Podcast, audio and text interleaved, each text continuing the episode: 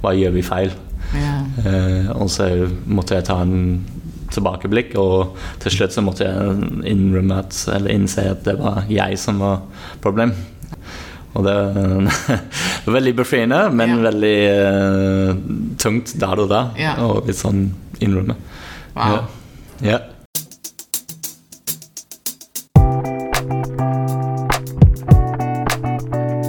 Dagens gjest er James Maxwell Stewart. En seriegründer i restaurant- og utelivsbransjen. Han er eier og daglig leder av flere anerkjente og suksessfulle restauranter i Oslo, som Crew, Ludo og nylig åpna Brasserie Coco. Restaurantene hans eh, de høster fantastiske omtaler. Eh, Og mange av dere som nå lytter, kjenner garantert til minst én av disse. Maxwell er òg mannen bak Emil og Samuel, som var i sin tid en av de hotteste utestedene i Oslo.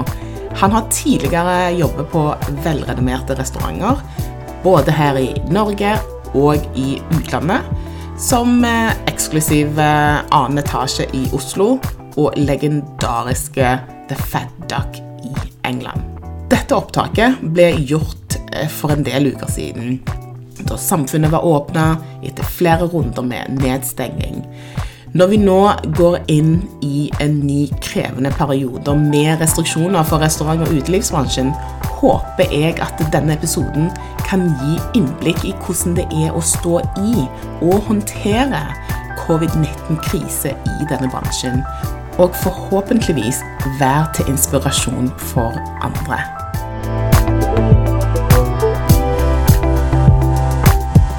Velkommen, Maxwell, til Banebrytere. Det er utrolig kjekt å ha deg her i dag. Tusen takk. Ja, Veldig kjekt å være her. ja men så det var godt å høre. Ja. Det er jo lørdag. Det er det. Det er lørdag, og eh, det har eh, vært en eh, tøff fredag for meg i hvert fall. Jeg hadde en flaske Brunello. Å, ja. jeg må innrømme jeg drakk litt vin i går også. Så. Ja, du. Men du er jo en somalier, en nyutdanna Ja. somalier, ikke sant? Stemmer det. Ja, Hva de gjør for noe, da? Hva er liksom eh, en somalier? Sommelier er det noen som er eh, utdannet i vin. Uh, vinverden er enormt. Uh, så en sommelierutdannelse gir deg en sånn basic grunnlag uh, til å forstå vinverden. Eh, og så kan du bygge på det og gå opp til master of wine, som er eh, veldig vanskelig å få og veldig sjelden. Og eh, det er veldig få mennesker i verden som har det. Er det en ambisjon om også å få det, kanskje? Nei. Nei. Absolutt ikke. Nei, det er veldig veldig mye jobb. Ja. Og med en gang du har utdannet som master of wine, så må du holde det gående. Ja. Du må leve for vin Ja. hver eneste dag. Ja, Og det har jeg ikke tid til. ja nettopp. nettopp. Jeg har egentlig lurt på en ting, eh, for du bruker Max. Ja. Ja. Jeg har lurt på noe, Max. Eh, Blir du ofte invitert på hjemme til middag hos folk, eller? Veldig sjelden. Eh, jeg elsker når folk lager mat for meg. Og jeg er ikke crazy i det hele tatt. Men ja, det er sjelden. Sjelden har jeg tid, og sjelden at folk har lyst til å invitere meg. Ja, Hvorfor tror du folk ikke vil invitere deg? Kanskje litt prestasjonsangst. Ja, det kan jeg tro. Nei, men det, er, noen som er veldig flinke til å lage mat Ja. øh, og invitere meg, og andre som absolutt ikke. Nei, for Jeg kan tenke meg det. Jeg eh, hadde ikke også, også invitere deg hjem til meg for å lage mat. Men da hadde jeg kanskje lagd noe som du overhodet ikke har noen referanse til. Jeg Ikke kunne sant. lagd ghanesisk. Ja. Du har ingen referanser whatsoever, så du vet ikke om det er bra eller dårlig. Nei, ikke sant? Og øh, jeg er verdens enkleste middagsgjest, fordi Ja. jeg setter stor pris at hun lager mat til meg, og Ja. jeg dømmer ikke maten til folk hjemme. Ja, ikke sant? Ja. Er du sikker på det? Ja. Ja. Det er ikke sånn du bare sitter og lager Det kan hende sånn jeg går hjem etterpå. Nei, nei, nei. Jeg, jeg gjør ikke det. Ja. ja, men det er godt å høre. Det er jo Jeg tenker på alt det som du får til nå. Du har jo fire restauranter. Den ene som er nylig åpna, og så har du Ludo som har brancha ut. Ja. Og jeg syns jo det er utrolig imponerende det du har fått til. Tusen takk. Tenker du på at uh, du er en suksessfull person? ja, jeg begynner å tenke på det nå. Ja. Ja. Først nå? Det er først nå, ja. Nei, det har tatt noen år, og nå etter det siste, siste restauranten, og den ble su suksess, så har jeg begynt å tenke at nå har jeg lykkes med restaurantverden til en viss grad. Det er veldig rart å tenke på, og det har vært veldig mye harde jobbing opp gjennom årene. Nå ser jeg litt sånn resultat av det. Så du kan klappe deg sjøl på skuldrene og si at eh, Max, you did good. Ja, absolutt. Og Ja. det er veldig, veldig rart. Hvem er du i restaurantverden for oss eh, som ikke er i det miljøet? Hva navn er det du har i restaurantbransjen? i Oslo. Det er litt sånn Jeg tror de fleste som er i, i bransjen, kjenner meg og kjenner de restaurantene jeg driver. Um, og så har jeg vært kokk i 25 år nå og jobbet på kjøkkenet eller i restaurantverdenen i 25 år hele livet mitt. Jeg begynte i oppvask da jeg var 15. Hvem er jeg i kokkebransjen? Jeg vet ikke. Det er den gale engelskmannen som har klart å nå toppen. Ja, kult. Så, så tenker du at folk forbinder ditt navn med, med kvalitet? Ja, det tror jeg. Ja. ja. Da har du gjort det veldig bra. Takk. Når ditt navn er equated med, med kvalitet. Ja. Jeg har jobbet for seriøst menneske og talentfullt menneske. menneske. Uh, og så har jeg prøvd å bare videreføre det over til min egen stedene. Og levere kvalitet og Ja. til en pris som er overkommelig. Sette standards. Jeg har høye standards, tydeligvis. Men da syns jeg dette her, eh, det spørsmålet som jeg skal komme nå, er, passer egentlig ganske, ganske fint. Ok. Som oppfølging det du sa nå.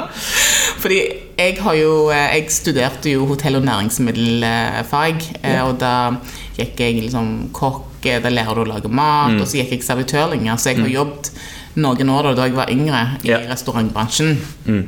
Og jeg husker jo, det var jo noen sånne eh, restauranter, spesielt gourmetrestauranter, hvor du så at eh, sånne kjøkkensjefene, de var så hissige og temperamentsfulle. temperamentsfulle. Og jeg husker jo det var en gang en, eh, en av kokkene hadde jeg vet ikke, jeg husker ikke hva det var, men det var et eller annet han hadde bommet på. Det var ikke noe stort heller. Men så husker jeg at den kjøkkensjefen bare tok hele tallerkenen og slengte det på veggen. Han var så sint. det. Og da tenker jeg Oi. Ja, Sant? For det er jo en sannhet i dette her Ja. at kjøkkensjefer kan være litt for hissige. absolutt. Og da lurer jeg på hvor du er henne på den skalaen, da. er du sånn Gordon Ramsay Health Kitchen, eller? Um, jeg var. Du var det. Ja, jeg, jeg har definitivt vært en av de som har hisset seg opp og, og, og vært forbanna. For noen år siden så endret jeg fullstendig på den måten. Fordi ting har endret seg, tiden har gått videre, folk aksepterer det ikke lenger. Og hvis du skal bygge opp et team som er lojal, så uh, det lønner seg ikke lenger. Det er veldig få som slipper under med sånn type uh, behavior. Um, så jeg endret meg fullstendig. Så jeg kan fortsatt uh, bli sint, og jeg kan fortsatt si ifra, men um, jeg gjør det når det er behov for det. Og det er ikke personlig, det er saklig. Jeg har definitivt vært det, men nå, nå er jeg ikke det lenger. Så nå, er, nå vil jeg si jeg er sånn uh, midt på treet lav. Ja. Du, eh, hva, hva, hva type leder er du, da? Nå prøver jeg å være litt sånn Jobbe sammen med ansatte mine. Så jeg, jeg jobber på gulvet, jeg tar vare på gjestene, jeg kan stå på kjøkkenet, hjelpe de. Jeg prøver å være litt sånn hands on og litt sånn motiverende på den måten. Forhåpentligvis litt inspirerende. Og kvalitetssikre. Så det er mitt største rolle nå. Og litt sånn passe på at vi holder kvalitet og nivå. Og prøve å Det jeg liker best, å finne eh, ansatte og kokker, servitørene, som har mye potensial, og gi dem et mulighet til å bli enda bedre, på en måte. Eller et sted hvor de kan vise sitt talent på. Mm. Så da er du langt ifra Gordon Ramsay. Ja, det er det jeg sier. Ja. Ja. Er det for real? Gordon Ramsay-stilen? Jo, Det absolutt. Ja. Han har også endret seg. Han har roet ned uh, på et sett. Men også med teamet hans. så Jeg mm. ikke han oppfører seg like mye som Nei. han gjør på, på TV. Men ehm, ja, til en viss grad han er sånn. Og Ja. sånn arbeider. Og han er old school, og den måten fungerer. Og det fungerer bedre i andre land enn det gjør i Norge, for Ja. eksempel. Så han er for real. Absolutt. Han er for real, ja. Ja. ja. Og han har, har ikke bygd opp det han har bygd opp uten å være litt sånn heller. Men det, folk vil jo jobbe for ham, så det er jo uh... Han er perfeksjonist. Han, han er veldig Jeg tror han er veldig snill fyr, egentlig. Mm. Eh, og han får frem det beste i folk og Ja. har gitt folk mange muligheter og Ja. talenter og Ja. eh, boost på karrieren til folk og, og så videre. Mm. Men, det den, eh, den, men du har lyst til å være en moderne leder som, som har lyst til å operere med litt annen type temperament og, Ja. og stil. Ja. Jeg tror jeg tok en avgjørelse for uh, seks år siden nå, tror jeg. Hvor vi gikk gjennom Der hadde jeg bare én restaurant, og vi gikk gjennom mange ansatte eh, på kort tid, og ingen ville bli. og vi sleit med å finne folk, og jeg brukte eh, mye av tiden min bare for å prøve å ansette folk og lære dem opp, og så slutte dem å finne nye, og, og så videre. Og så måtte jeg, måtte jeg jeg var nødt til å ta et steg tilbake og sånn forstå hva problemet var. Eh, og på syvende og sist uh, fant jeg det var meg som var problem. Og eh, det eh, Det var vanskelig å innrømme, men jeg måtte bare innrømme at det var jeg som, som var problemet. Og da, da endret jeg meg sjøl fullstendig. Og begynte å litt sånn motivere på en annen måte og kjefte på en annen måte. Og så satte jeg inn kjøkkensjefer og restaurantsjefer eh, og ga dem ansvar og lederskap og sa til, sa til de at hvis vi gjør noe feil, eh, jeg kommer til å si fra til dere, ikke hele staben eller ikke gå inn og kjefte på hele kjøkkenet, få en kjøkkensjef og få han til å føle seg liten. Så jeg, jeg gjør om fullstendig hvordan vi dealer med problemet. Og det andre ting jeg tenkte på, var å Det er mange som prøver å litt sånn Prøver å unngå problemet, eller prøver å um, eh, passe på at det ikke er noe problem med, eh, med å hele tiden. Og jeg, måtte, jeg tok en annen innstilling og tenkte at jeg vil heller manage the problems. De kommer til å skje uh, uansett, uansett hvor flink du er. Det er alltid problemer. Så uansett å vi skal alltid levere høy standard og sånne type ting. Men uh, mitt største rolle var å sånn manage the problems. Og det hjalp. Ja. Når du trakk deg tilbake. Ja. Fra, ja. Mm. Og tok et steg tilbake og prøvde å ja, manage the problems, ikke prøve å uh, unngå problemet. Men hvordan starta alt dette her? Ja, hvis vi går helt tilbake, så startet det med at jeg strøk på alle eksamene mine på skolen. Og var ferdig på skolen 18, når jeg var 18. Um, og hadde ikke lyst eller mulighet til å dra til universitet, for jeg hadde ikke nok eh, karakter. Så jeg dro eh, til Frankrike for å kjøre snowboard. Og det eneste jeg kunne, var å jobbe på kjøkkenet. For jeg hadde jobbet eh, på kjøkkenet som oppvaskhjelp i, i tre år, siden jeg var 15. Eh, så dro jeg til Frankrike og jobbet på et kjøkken der og var egentlig en snowboardbum. Eh, og jeg hjalp kokkene eh, lage mat på kjøkkenet og lærte en del. Og på slutten av sesongen så sa eh, de som eide hotellet at hvis jeg kom tilbake neste år, så kunne jeg være sånn kjøkkensjef. Eh, og det syns jeg var veldig kult, fordi jeg hadde lyst til å kjøre en sesong til på snowboarding. Så jeg, eh, jeg dro ned neste år og hadde ansvar og lagde mat. Jeg var med et sånn hjemmekokknivå på på den eh, tiden. Men det var stas, og det var kult å få litt ansvar. Og så møter jeg selvfølgelig en norsk eh, jente som eh, dro meg tilbake til Norge. Det er kjærligheten, vet Det er kjærlighet. uh, og, og igjen, jeg hadde null uh, karakter. Ehm, så jeg måtte ha noe å gjøre. Og det var, jeg måtte ta, måtte ta et valg. Og så valgte jeg å satse på kokkekarriere. For jeg likte det og syntes det var kult og spennende. Og jeg likte livsstilen og, osv. så videre. Så jeg satser på kokkekarriere. Og hadde en um, ambisjon å bare jobbe ett år på hvert sted. Og så sluttet jeg jobben min, dro til en annen uh, kjøkken, som måtte være bedre enn det siste. Og så til slutt så hadde jeg jobbet meg opp til uh, The Fat som var på den tidspunkt best i verden. Så jeg jobbet jeg der. Og så kom jeg tilbake til Norge og fikk mulighet av en venn til å åpne en kafé på Steinerstrøm. Og da ble det første sted. Uh, da var jeg 24. Og det var en suksess. Det var kjempe, kjempemorsomt. Og jeg alltid hadde lyst til å åpne min egen, egen et eller annet, men det ble restaurant til slutt. Og så åpnet jeg etter Gastro um, Emil og Samuel, som egentlig skulle vært en restaurant og nattklubb, og ble til slutt bare en nattklubb. Mm. Uh, og det var en kjempesuksess for en periode. Jeg solgte meg ut til begge de to, og så tok jeg en liten pause. Jobbet i Tårn Hotels, men savnet å liksom drive for meg sjøl og, og ja, skape egne ting. Så fikk jeg mulighet til å kjøpe Crew, som var en etablert restaurant uh, på den tidspunkt. Og så har jeg litt sånn tatt den opp og fått den på, tilbake på plass igjen i Oslo. Og så fikk jeg mulighet på Ludo og så nå Koko. Så det var veldig, veldig spennende. Jeg begynte med uh, ingen utdannelse eller ingen uh, karakter og uh, snowboarding. Og til slutt så har det endet med en spennende kokkekarriere og fire restauranter. Så hva er det som driver en person til å åpne fire restauranter samtidig og drive altså. Ja, det er galskap. Ja. Det er galskap. Det er, det er VM i logistikk og ja.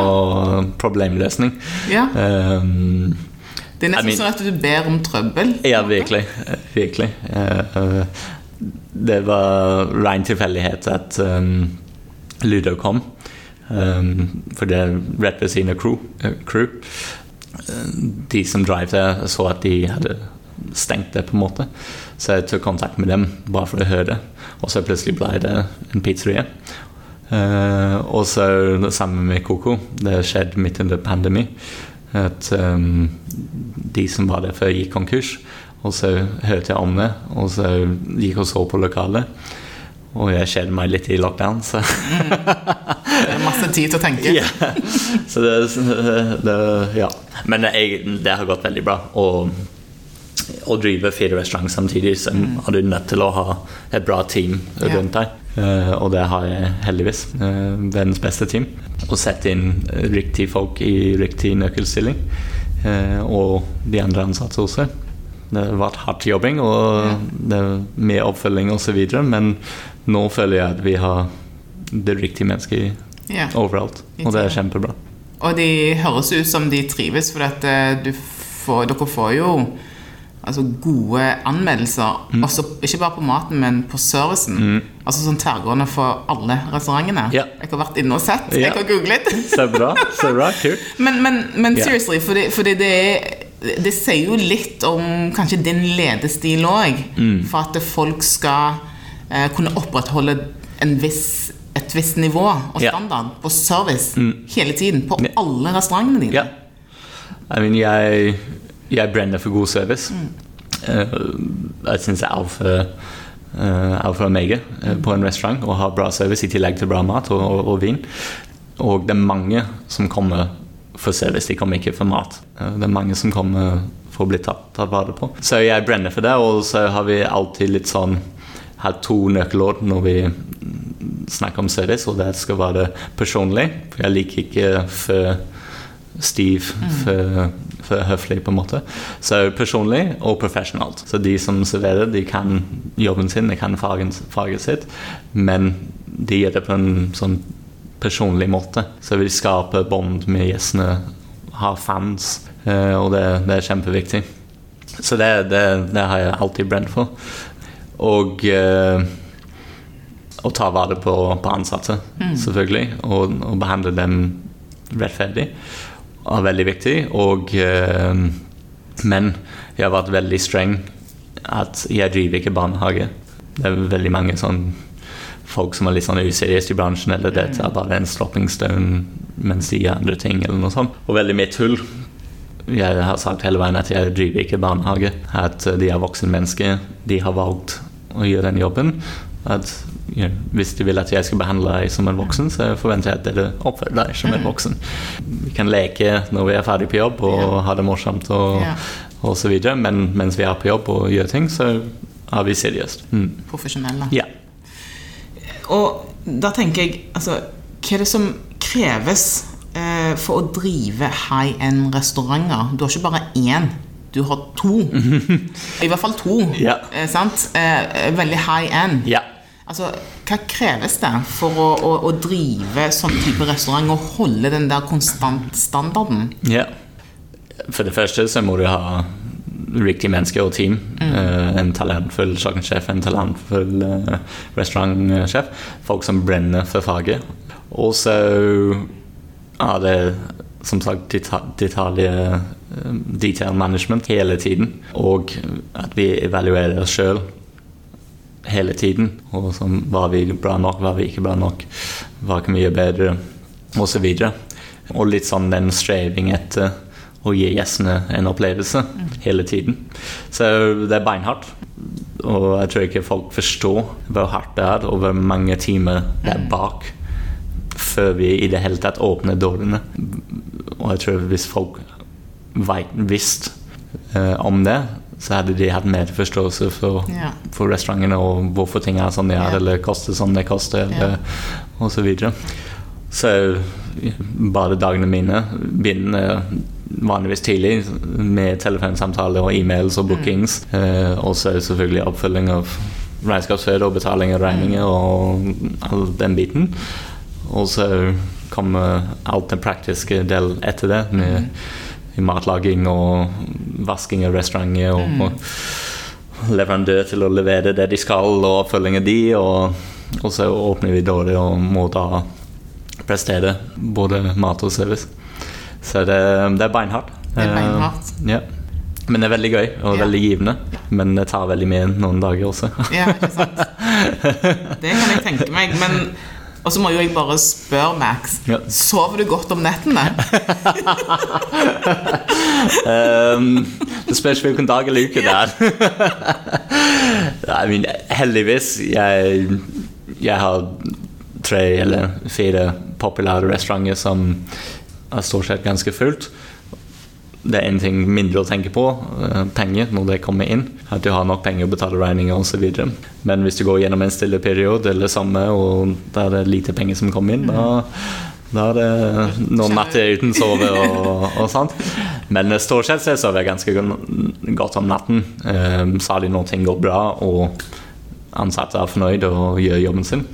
Men selvfølgelig, det har vært perioder hvor det det har ikke vært riktig ansatte, og de har ikke gjort jobben sin, og gjestene har vært misfornøyd, og ja, det begynner å balle og, Ja. og, og spinne, og da er lite soving om natten, og hvordan skal vi løse dette, hvordan kommer vi gjennom dette? Du har jo ikke fylt, du har nettopp fylt eh, 40 for ikke Ja. så altfor lenge siden. Ja, Du har ikke noen grå hår eh, ennå, så det, det jeg har viser jo noe. Det er enn før. Så det viser jo at du sover Ja. nokså greit, da. Ja. Nei, jeg Som sagt, nå, det, nå begynner det å bli enklere. Nå, Ja. På ett sett er det enklere mye flere steder. Det tar vekk litt press fra overalt, men um, det var noe i starten med crew og Emil og Samuel og gassjåfører hvor penger var veldig tight, og jeg måtte legge inn sånn 18-timersdager for å få ting til å gå rundt. Um, og da, da var det mye stress, og jeg, jeg hadde mindre erfaring også, så det, man gjør tabber. Jeg sover bedre om natten nå, men Ja. eh, det er noe grått hår nå. Ja. men, men hva har utfordringene vært underveis? Hvis du skulle ha trukket frem noen sånne eh, topp tre eller noe sånt, eh, utfordringer som du har møtt på fra du starta eh, til der du er nå. Ja. Fordi det er jo veldig lett å se suksessen din. Ja. ikke sant? Alle disse her, Ja. alt går så bra. Ja, ja, ja. Men vi vet jo at det ligger ikke bare beinhardt arbeid, yeah. men det ligger jo bumps eh, along the way. Yeah. Hva er det de har vært for noe? Jeg gikk inn i eh, business med noen som med, og var det etterpåklokk, så burde jeg ikke ha gjort. Eh, eller de var ikke riktig business partners for meg. Så det måtte jeg lære, og lære å ha veldig fokus på regnskap eh, og tallene og, og penger. Så det, det, var, det var en ladepenge mm. i starten. Og så um, litt sånn Når man er ung kokk, så er veldig idealistisk at du skal ha en restaurant som kanskje du vil ha, eller mat du liker. og man tenker ikke som et gjest, eller man tenker ikke hvordan ting blir sett utenfra. Uh, heldigvis har jeg vært ganske smart uh, og valgt riktig konsept.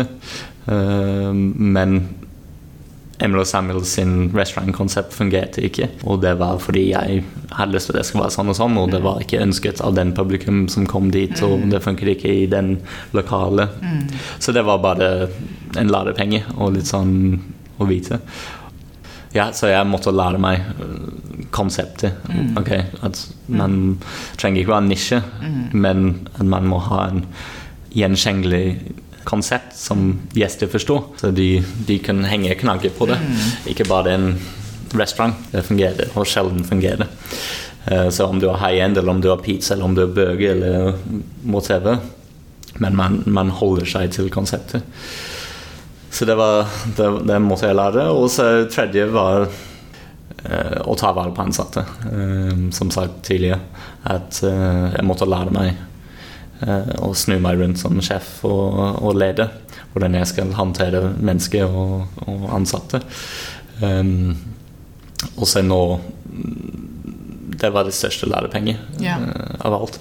Uh, å innse det.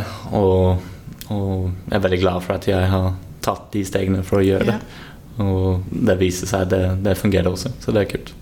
Veldig, veldig, veldig godt å høre. Jeg syns det er utrolig gode refleksjoner. Ja. Og det Altså, det er ikke lett å innrømme eller i hvert fall innse at det er en sjøl som er problemet. Er, er liksom kilden til frustrasjon eller ja. folk turnover. Altså det, er, det er ganske heavy piller å ta. Mm. Og det at du tar det, og òg gjør noe med det, det syns jeg er veldig kult. det er det. Ja, det var veldig vanskelig å, mm. å litt sånn innse, og det var nå uh, natta uten sov for å komme frem til det. Men ja. Uh, det, jeg hadde ikke lyst til å gå på jobb, og det er dumt hvis yeah. jeg har ikke lyst til å gå på jobb, og det er mitt eget sted. Uh, og så da måtte jeg litt sånn Ok, nok er nok. Hvordan løser vi dette? Yeah. Hvordan, uh, hva gjør vi feil? Yeah. Uh, og så måtte jeg ta en tilbakeblikk. Og til slutt så måtte jeg innrømme at, eller innse at det var jeg som var problem. Og det, var veldig befriende, men ja. veldig uh, tungt der og da. Ja. Og litt sånn innrømme. Wow. Ja.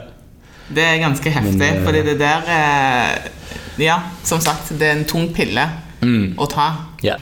For det er én ting å innse det, også, også, men, men, det handler òg om at man ønsker å ta det, mm. og så gjøre noe med det, og ja. endre retning. Og det er jo ikke bare bare. Nei. Hvis du har vært en, en, en måte mm. over veldig lang tid, mm. så har jo du dine vaner og stil og, og, ja. og atferdsmønster. Sånn at det tar jo mye av noen bare for å gjøre det, den snuoperasjonen. Absolutt. Og ja, det, det, det, var ikke sånn at jeg bare snudde, og mm. det tok litt tid. Og så var det et par ganger som jeg glemte meg sjøl og mm. var tilbake i gamle vaner igjen. Yeah. Og så måtte jeg si unnskyld og yeah. gjøre noe Eller endre. Men stort sett så har det gått ganske bra. Og yeah. som sagt, det var ikke planlagt å åpne fire steder. Det har bare skjedd. Og først var det bare planen å, at crew skal gå rundt og og var det en hyggelig sted å jobbe mm. og et bra sted for gjestene å servere god mat. Um, men jeg tror med å endre på den, den tankegang, så klarte vi å lykkes med crew, og ja, da har vi mulighet til å, å ha andre steder. Men you know, ambisjonen mitt var at crew skal mm. fungere, mm. og det var mer viktig enn hva jeg syns om meg selv. Så det er derfor jeg klarte å litt sånn snu og endre på ting. Fordi det var mest viktig at crew gikk bra. Fantastisk. Men jeg tipper jo dette her goes without saying, men jeg tipper du er steinglad for at eh, Oslo og Norge har gjenåpna igjen. Åh, det er så deilig. Det er så deilig å se folk i gaten og yeah. restauranter og Ja. barer og, Ja. og, overalt. Og at folk nyter livet igjen. Yeah. Og stemning i lokalet og stemning i gatene, i butikkene. Det er helt sinnssykt. Hvordan har det vært hele pande under pandemien og det å Restaurantbransjen yeah. og hotell og næringsmiljø Altså, de yeah. har slitt. Eh, Det samme gjelder kulturbransjen også, selvfølgelig, men, men restaurantbransjen hvordan, hvordan har det gått med deg? Hva, hva har det gjort med deg? Det har gått overraskende bra. Det var selvfølgelig beinhardt og tøffe, tøffe dager. Og, men jeg innså veldig raskt at det var veldig lite vi kunne gjøre med det. At um, hvis jeg gikk rundt og stresset meg i hjel, så det kom ikke til å endre noe. Så jeg måtte bare sørge for at vi overlevde, og at vi hadde nok penger. Tenkte litt nytt. eh, så vi heldigvis Ludo med pizza. Vi solgte en del takeaway-pizza, så det, det hjalp selvfølgelig. Og ehm, på cruise så begynte vi med food kits, eh, og det, det hjalp veldig mye. Og det, det solgte vi masse av. Ehm, så det hjalp selvfølgelig. Så det, det, det, det var liksom Jeg lærte veldig mye. Eh, for det første hvordan å permittere ansatte. Aldri gjort det før. Så det var veldig tungt, men lærerikt. Og det andre var hvor, hvor flinke vi er til å snu oss rundt og tenke annerledes. Og heldigvis jeg har to veldig flinke ansatte. Uh, Kjøkkensjefen på crew som heter Thomas, og restaurantsjefen som heter Ian. Som eh, også har litt sånn samme innstilling som meg. Snur seg rundt og gjør, tenker, tenker annerledes og gjør ting. Så de, de eh, tok, eh, tok ansvar for den food kits og, og leverte som det holdt. det. Så det var veldig kult. Men selvfølgelig, you know, det er veldig tungt å ikke kan ta vare på ansatte og ikke betale de, og de fikk kun 60 til lønnet sitt. Så de sleit noe voldsomt, og jeg kunne ikke betale differansen, fordi da mistet de rett på Nav-penger. Det var veldig, veldig vanskelig, syns jeg. Hvordan var nattesøvnen da? Ja. I starten så var det dårlig, men som sagt til slutt så måtte jeg bare Ok, slippe dette. Så jeg brukte tiden med sønnen min og, og kjæresten, og på ett sett så var det veldig hyggelig å ha litt sånn lang periode med fri, og kunne leve litt normalt i, eh, i en periode. Eh, Eller normalt i, i den forstand at vanligvis eh, jobber jeg kvelder og helger, så jeg, eh, nå plutselig hadde jeg helger fri og kveldene fri. Så det var litt sånn eh, hyggelig, på en måte. Eh, men som sagt, det hadde vært mye enklere og mye bedre å bare være åpent, men Ja. eh, det var ikke mulig. Men du, du måtte jo sjøl gå på Nav, eller? Eh, I starten så gikk jeg på Nav. Ja. Hvordan var det? Uh, igjen, veldig merkelig. Ja. Jeg har aldri vært på Nav. Jeg har aldri Jeg har jeg jeg levert to sykemeldinger i hele mitt liv, så det er ikke noe jeg pleier å gjøre. Og jeg kjenner ikke system eh, i det hele tatt, egentlig, eh, på den sett. Så det var veldig, også veldig merkelig eh, å liksom gå på Nav og levere eh, Meldekort. meldekort Ja. og, og så videre. Og litt sånn kjenne sammen med ansatte Mm. hvordan det var å få bare 60 til lønn og, og så videre. Ja, det var, det var weird. Ja. Spesiell opplevelse? ja, virkelig. Jeg jobbet for alle pengene mine, eh, og har ingen problem med å jobbe for penger. Så det var veldig merkelig å bare få penger. Og ja Jeg vet ikke om det gjør så veldig mye med meg å gå på Nav, men, men jeg var Jeg har aldri hatt en, en selskap eller en bedrift gå konkurs. Og jeg var fast bestemt at alle stedene skulle overleve, at vi skulle ikke gå konkurs. Og jeg sa til ansatte etter første lockdown, eller kanskje rett på begynnelsen av første lockdown, at vi skal ikke gå konkurs, at alle skal bli permittert, men dere skal få en jobb tilbake, og jeg kommer til å redde selskapene. Så jeg var bare fast bestemt på det, og, og så endret. Ikke at jeg hadde tenkt å åpne en tredje, men det endret min syn at ok, jeg må bare gripe muligheten, gripe sjansen til å eh, bare vokse videre. Så jeg sa til alle etter eh, andre lockdown at nå, nå vokser vi. Nå, nå, skal vi være en gruppering. Nå skal vi satse og, og bli en av de restaurantgruppene i Oslo som, you know, som er kjent. Så det, det endret litt sånn sinnet mitt uh, under lockdown. At jeg bare tok av bremsen, på en måte. Ja. Nei, det er veldig Ja, det, det må ha vært tøft. Ja. Virkelig. Um, jeg husker jo Du vet hvem han uh, administrerende direktør i Jernia?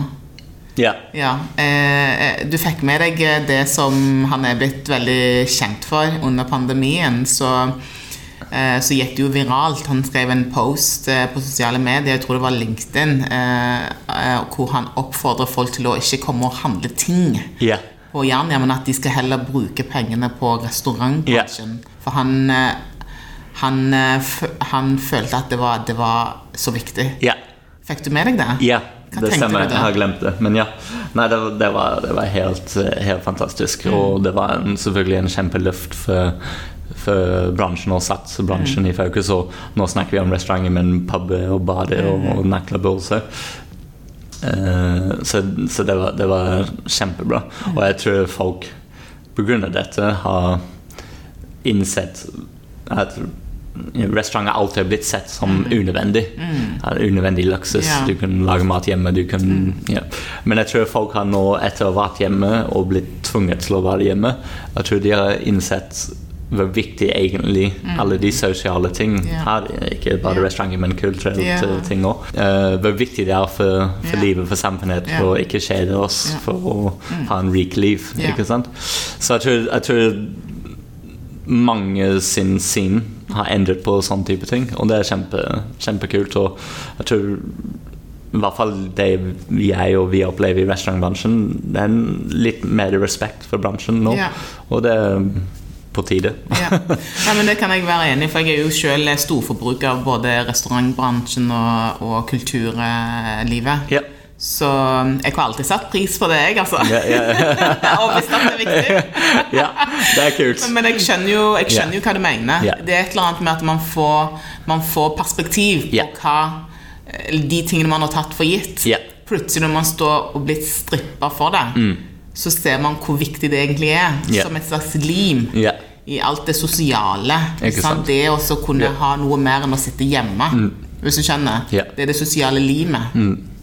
Og jeg tror det, det ble en sånn wake-up call. Og jeg tror folk har uh, skjønt at ok, det er hyggelig å spise hjemme og lage mat hjemme, men en gang i uka eller noe sånt, så er det hyggelig å dra ut og Ja. slippe å tenke på det og ja, la oss gjøre det. Hva er din end goal? Hva er det du har lyst til å oppnå? Nå har du fire restauranter. Hva mer er det du vil? Jeg hadde ikke mål i det første omgang, hva er du sulten på?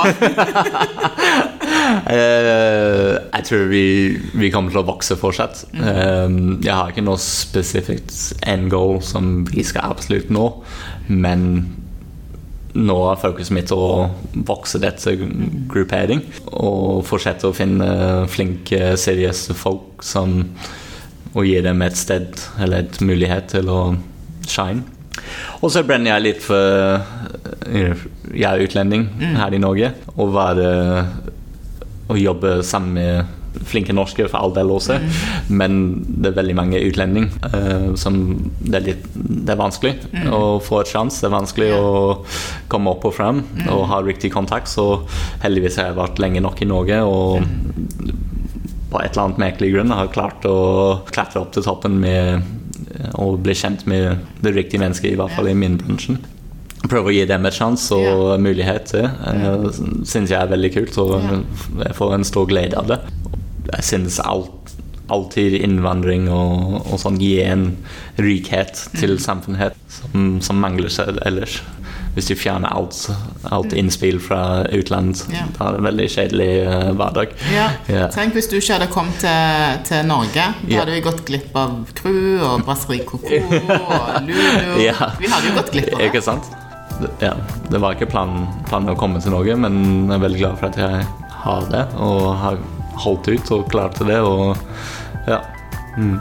Tusen takk for at du ville ta prat med meg eh, på en eh, lørdag.